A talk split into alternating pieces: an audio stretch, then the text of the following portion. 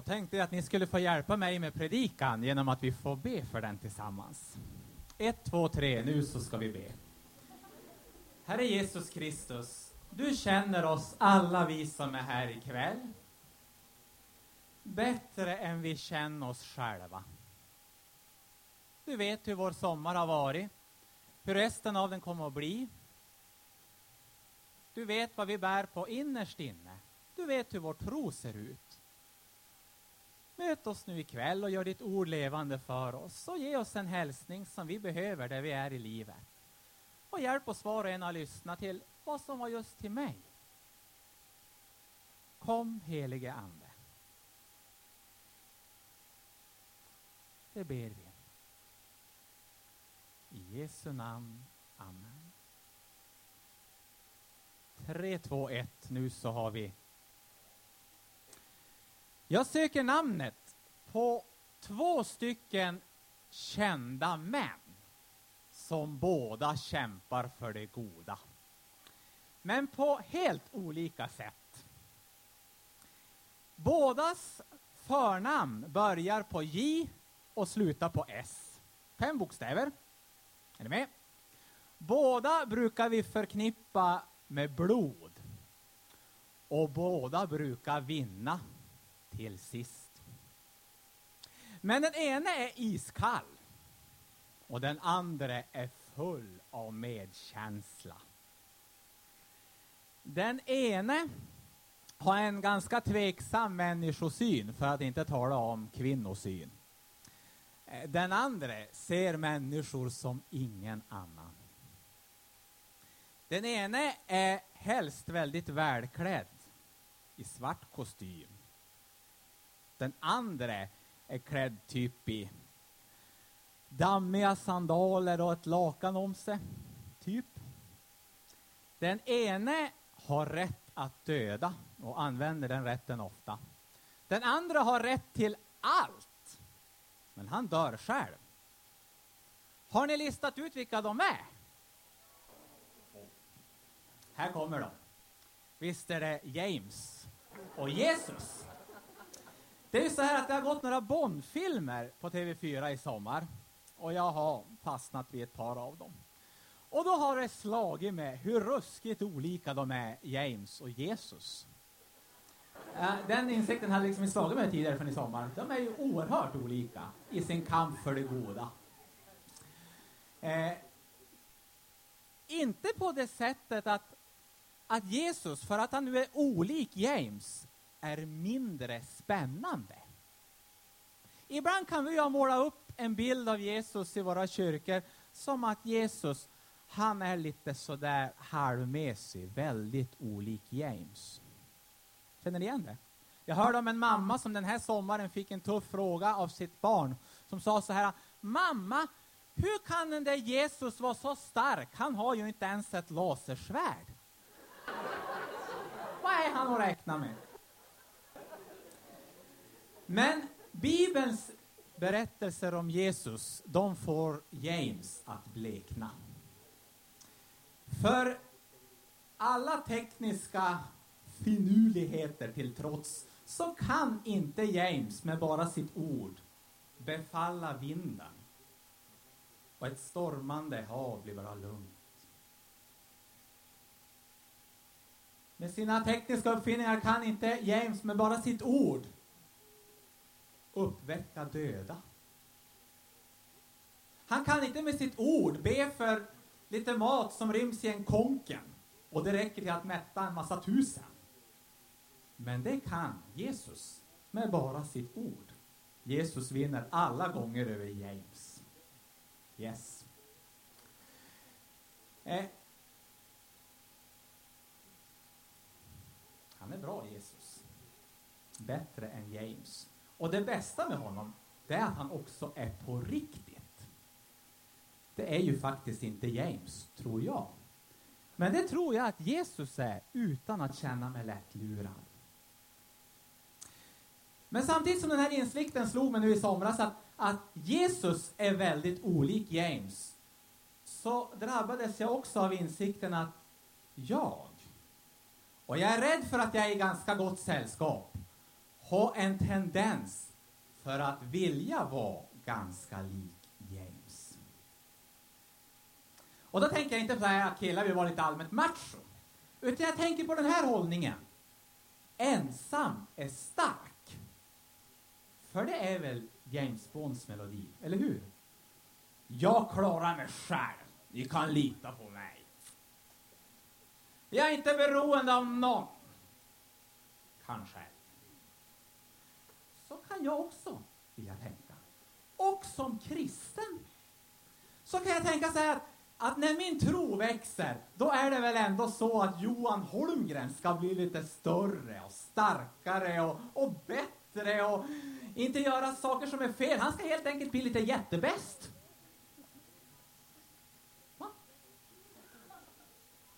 Om det vore så, då skulle vi inte behöva läger som det här. Då skulle vi inte behöva kyrkor och värst av allt, då skulle vi till slut inte behöva Jesus. För jag är ju redan jättebäst. Ja, han skulle kanske få korrigera några småsaker i mitt liv, men inte så mycket mer. Temat för ikväll, det är växande tro. Jag vet inte hur det är för dig som är här. Många av er kanske har en tro på Jesus när du kom till lägret. Då kommer det att kunna få hända saker med den tron under de här dagarna. Kanske kom du också hit som känner att jag vet inte hur det är med mig om jag har en tro.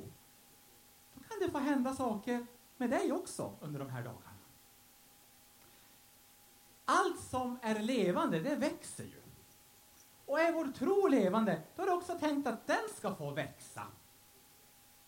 Men det som växer, det brukar ju bli lite större och starkare, eller hur? Sådär som James. Men när tron växer, då är det inte tanken att den ska få den här hållningen, utan den här hållningen. Jag behöver. Jag behöver andra. Och jag behöver framför allt någon annan. Jesus. Tron växer inte så här, utan så här, i beroende av andra och av någon annan. När jag var liten då fick vi en predikant hem till oss där jag växte upp som predikade om växande tro. Han var född och uppvuxen på en bondgård och tog en, tog en bild från det. Är det någon här som är uppvuxen på en bondgård? Då kanske du kommer att känna igen den här bilden. Han sa nämligen så här, att med vår tro är det som med en korumpa. Har ni sett en korumpa någon gång? De är big. De är stor. Men vet ni vad som är det märkliga med en korumpa? Den växer neråt och inåt. Så är det. Och det är tanken också med vår tro. Han ska bli större och jag ska bli mindre. Den växer liksom neråt och inåt. Det är en helt annorlunda växt än vad jag tänker annars. Han ska bli större och jag ska bli mindre.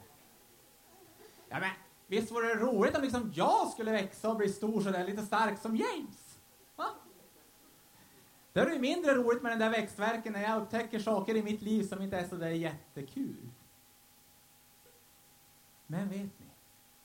Så småningom är det väldigt befriande att få upptäcka allt hänger på Jesus. Jag kan inte ta mig till himlen, inte ens halvvägs. Jag kan ibland ta mig i kragen och försöka vara lite bättre, men ganska snart så blir jag besviken på mig själv igen. Så här är jag. En kille i Bibeln som heter Paulus, han hade upptäckt det där. Han sa så här. När jag är svag, då är jag stark. För då har jag upptäckt att jag behöver Jesus. Den tro som vill växa så här, den blir lätt skör genom livet. Men vill du ha en tro som håller om 10 år? Eller om 20 eller om 30 år? Hela livet ut. Och det är väl vad vi vill? Inte bara vara brinnande och kristna när vi är unga, utan hela livet. Då är det så viktigt att tro får hitta den här hållningen. Där det inte hänger på mig, utan på Jesus. Och det vill få berätta ikväll om en bibelperson som kan få belysa det här. Han kanske såg ut så här. Nu ska vi se om det kommer en ny bild. Gjorde det det? Vad bra. han kanske såg ut något sånt. Han heter i alla fall Petrus. I den engelsktalande världen så kallas han för Peter. Hans mamma och pappa gav honom namnen Simon. Och Jesus, han kallade honom för Kefas, kärt barn har många namn. Den här Petrus, som vi är mest vana vid att kalla honom, det var en av Jesu tolv lärjungar, kanske den kändaste och framför allt den kaxigaste. Lite som James. Men det var så här med Petrus. Han hade en brorsa som förmodligen inte var så lik honom. Den brorsan hette inte Robert eller Niklas, utan Andreas. Och ta din bibel någon gång och så stryker du under allt som den där lärjungen Andreas säger. Och då behövde du inte vässa pennan så många gånger. Han var nog lite kanske blyg och mer tystlåten av sig. Men vet du vad som är det stora? Den där Petrus, hans kaxige bror, han kom till tro genom Andreas. För Andreas hade blivit en lärjunge till Jesus före Petrus. Och så står det så här, en fantastisk mening. Han tog med honom, alltså sin bror, till Jesus. Jag älskar den meningen. Han tog med honom. Kanske inte sa så mycket. Jag vet inte hur det är för dig, men du kanske känner så här att jag är nog lite mer den där blygare typen. Jag kan ju som inte berätta så mycket om min tro. Men Jesus kan använda alla. Utan Andreas så hade inte världens kändaste lärjunge Petrus hittat till Jesus. Han tog med honom till Jesus. Du kan också vara med och ta med någon. Vill du följa med på en kristen ungdomsgrupp? Vill du följa med till vår kör, till vår orkester, till vår krigsklubb? Eller vill du följa med på läger? Andreas påminner oss om att alla kan ta med. Kom med. Petrus, Andreas bror, han, han var en ledartyp. Och Jesus hade sagt så här till honom en gång. Du är Petrus, klippan. Och på denna klippa ska jag bygga min kyrka. Och jag kan tänka mig att, att när Petrus hörde de orden, då växte han ett par deci. Det är mig han snackar om, vet ni det? Petrus, klippan, det är jag. Men vägen till att bli den klippan gick inte riktigt som Petrus hade tänkt sig. Om Petrus skulle vakna ur sin grav idag, en dag ska vi ju alla vakna ur våra gravar när Jesus kommer tillbaka. Om det skulle hända idag, då skulle Petrus kliva upp och hamna i världens största kyrka som bär hans namn, Sankt Peterskyrkan i Rom. Kanske någon som har varit där. Enormt stor! Det sägs att det ryms 60 000 stående i den. Den bär Petrus namn. Och så skulle Petrus, det sägs då att Petrus grav, den är under altaret i den kyrkan. Då skulle Petrus komma upp där, en trappa som finns till den där kryptan under altaret. Och så skulle han se upp i den väldiga kupolen. Kan vi se den här? Ser ni den kupolen? Ja. Och i den kupolen står det på latin de där orden som Jesus sa till Petrus. Du är Petrus klippan och på denna klippa skall jag bygga min kyrka. Och då tror jag Petrus skulle bli lite knäsvag om han såg det. Och så skulle han säga till de pilgrimer och turister som är där, stopp, stopp! Alltså, det ni läser där uppe i kupolen, det är inte riktigt kanske som ni tror. Det var inte jag som var någon klippa. Det blev Jesus i mig som blev en klippa. Nu ska ni få höra hur jag var. Så här var det. Innan Jesus skulle lida och dö så sa han så här till lärjungarna. Ni kommer att överge mig. Inte bara någon av er, utan allihop. Då sa Petrus. Inte jag. Jesus, de här andra, de kanske inte riktigt är, håller måttet. Men mig kan du räkna med. Jag kommer aldrig att svika dig. Du är min bäste vän. Och vilken bekännelse. Det är jag, Klippan. Så här blev det. Så kom kvällen när Jesus skulle bli tillfångatagen. Han blev förrådd av en annan lärjunge som heter Judas. Efter den dagen blev Judas ett dött namn. Det finns många som får heta Jakob och Petrus och Andreas och Johannes, men det finns ingen Judas efter den dagen. Inga föräldrar har varit så onda med sin son. Och då, när Judas har förlåtit Jesus, så kommer soldaterna för att ta honom och då sker något oerhört mäktigt. Då frågar Jesus soldaterna, vem söker ni? Och de svarar, Jesus från Nasaret. Och då säger Jesus, det är jag. Jahve, jag är. Och då står det så här. När Jesus sa, det är jag, vek det tillbaka och föll till marken. Jesus hade ingenting av James vapen eller teknik, teknisk utrustning. Men bara genom sitt ord hade han en sån makt att soldaterna kunde inte ta honom. De låg på backen som fiskar på land och plaskade på. Och när de reste sig upp på sina ben igen, då frågar Jesus igen. Vem söker ni? Jesus från Nasaret, säger de. Och då säger Jesus, jag har ju sagt er att det är jag. Och så får han ge sig själv till dem. De kan inte ta hans liv, han ger det av fri vilja. Och därför sjunger vi en känd sång, som ni kanske kommer att sjunga här under lägret. Jesus för världen givit sitt liv. Han ger det, de kan inte ta det. Då, då händer det något. Då vill Petrus visa sitt hjältemod när de nu ska tillfångata Jesus. Så han tar ett svärd och så går han mot en av vakterna och så hugger han av honom örat. Vilken hjältemodig insats för Jesus skull. Men han kunde ha siktat på något något mer hotande än ett öra. Men det gör han. Ganska fånigt och hemskt. För den där stackars vakten som bara gjorde sitt jobb och så vart han av med örat. Men så får Jesus chans att visa hur god han är. För vet ni vad Jesus gör då? Med en av de soldater som ska tillfångata honom. Jo, han går fram, lägger handen på örat som är borta och helar det. På den kille som ska fängsla honom. Det kallar jag kärlek. Jag undrar vad den soldaten tänkte. Det var ju ingen vanlig kväll på jobbet direkt. Jag blev av med mitt nöra nyss, det låg där och nu är det här. Vem är den här mannen som vi ska tillfångata ikväll? Nu börjar Petrus störtdykning. Han flyr, det gör alla lärjungarna. Men för Petrus blir det så här. Han får frågan den här natten, när Jesus blir fängslad. Du var också med honom. Visst var du det? Och då säger Petrus, jag vet inte vad du talar om. Jag känner inte den mannen.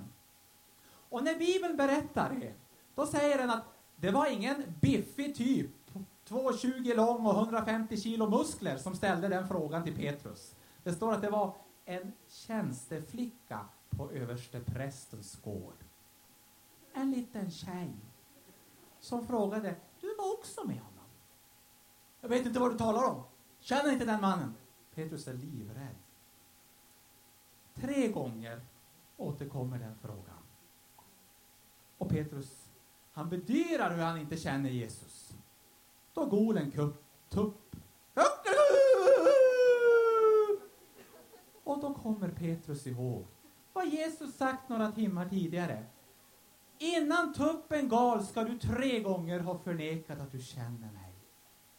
Och det står att Petrus gick ut och grät bitter. Han hade svikit sin bäste vän när han behövde honom som mest. Han som var klippan, som tyckte sig vara så stark och duktig, han hade störtdykit på botten. Men det slutar inte där. Så dör Jesus och uppstår. Det som inte bara är kristenhetens utan världshistoriens största och viktigaste händelser. Och en kort tid därefter vill Jesus söka upp Petrus. Petrus han har farit till sin hemmatrakt, till en sjö som heter Genesaret, flera mil från Jerusalem för att, för att fiska. Det var hans gamla jobb och han tänkte att det är kanske något som jag klarar av nu. Men inte ens det funkar. Han får inte en fisk den där natten. Då kommer Jesus, fast de känner inte igen att han står på stranden. Och så ropar han och ger lite fisketips till Petrus och hans kompisar. Och båten blir full, inte av vatten, men av fisk. Och så kommer Petrus och hans vänner till stranden. Och då har Jesus fixat frukost åt dem. så tror jag Jesus säger så här någonting. Petrus, jag skulle vilja prata med dig. Och då tror jag det var spaghetti i Petrus knä. Nu, nu, nu, nu kommer det. Kära någon. Alltså, Jesus hade ju alla skäl i världen att ge Petrus en rejäl läxa. Vad är du för en vän? När jag behövde dig som mest, du som var klippan, då var du inte där. Du vågade inte ens säga att du kände mig för en liten tjej. Det var inte mycket James över dig. Så säger inte Jesus. Han ställer en fråga, och han ställer den tre gånger. Det är varför tre gånger. Och frågan lyder, Petrus, älskar du mig? Typ, vill du fortsätta vara med mig? Och då är jag övertygad om att det hände något med Petrus tro. Den växte. Inte så här, utan så här. Han hade sett vem han var i sig själv och det var inte så kul. Men ännu bättre, han hade sett vem Jesus var. Och att han ville fortsätta vara hans vän. Och så fortsatte Petrus liv tillsammans med Jesus. Och sen också efter himmelsfärden som en, en stor ledare i kyrkan. Ett spännande liv där det inte var någon lag om kristendom. Den är inte särskilt spännande. Ett liv där Petrus själv inte behövde vara störst, bäst och vackrast. För han visste att det är någon annan som är det. Och han vill vara min vän. Och jag får vara hans vän. Så stort. Tidigare så hade Jesus sagt så här till Petrus och hans vänner. Om ni inte omvänder er och blir som barn kommer ni aldrig in i himmelriket. Bli som barn. Barn är ju små. Vi vill väl vara stora. Vi skulle tala om växande tro idag. Jag sa i presentationen att jag har fått bli pappa sen förra tejp. Hon ser ut så här. Hon kommer upp där. Ja. Hon heter Hanna och hon har fått lära mig en del om livet och kanske också en del om det där ordet som Jesus säger. Om ni inte omvänder er och blir som barn. För Hanna, hon är nämligen väldigt beroende av sin mamma och pappa. Hon kan tugga själv fast hon inte har några tänder. Hon har små risgryn där längst nere.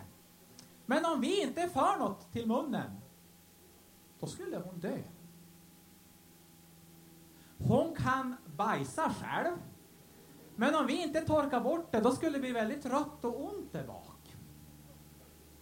Hon kan somna själv, men om vi inte skulle lyfta henne till sängen skulle det bli en väldigt hård natt. Hon är väldigt beroende av oss. Kan det vara något av det som Jesus menar med orden att vi ska bli som barn? Helt beroende av honom. Det är annars så lätt att jag jag vill vara stor och stark. Johan. Så glömmer jag mitt beroende. Men utan Jesus finns ju ingen som skulle ta bort skiten. Och då tänker jag inte på det här. Utan på det som finns här. Och det skulle göra ont och bli jobbigt. Jag är beroende av honom. Nu är du här på tejp. Till på söndag. Spela inte James de dagarna. Ensam är stark. För då lurar du dig själv. Våga vara beroende. Våga visa ditt beroende av andra. Bjud in nya vänner i ditt liv. Det kan få betyda mycket både för dem och för dig. Och framför allt, våga visa ditt beroende av Jesus. I det som sägs. Be att Gud ska tala till dig de här dagarna. I lovsång. Det är ett sätt att visa sitt beroende. Att ge Gud den ära han är värd. I förbön Ta den chansen att få hjälp att bära något som du bär på i ditt liv. Bjud in Jesus och visa ditt beroende. Då kom det här att bli en spännande vecka. Mycket mer spännande än en film med James. Nu ber vi.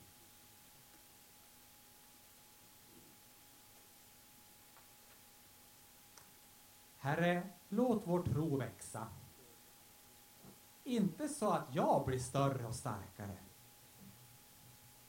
Men så att vi upptäcker vårt beroende av dig. Tack för att var och en av oss som är här, vi är viktiga. Men du är viktigast. Det är kring dig som universum snurrar. Låt det få landa mer och mer i våra liv de här dagarna.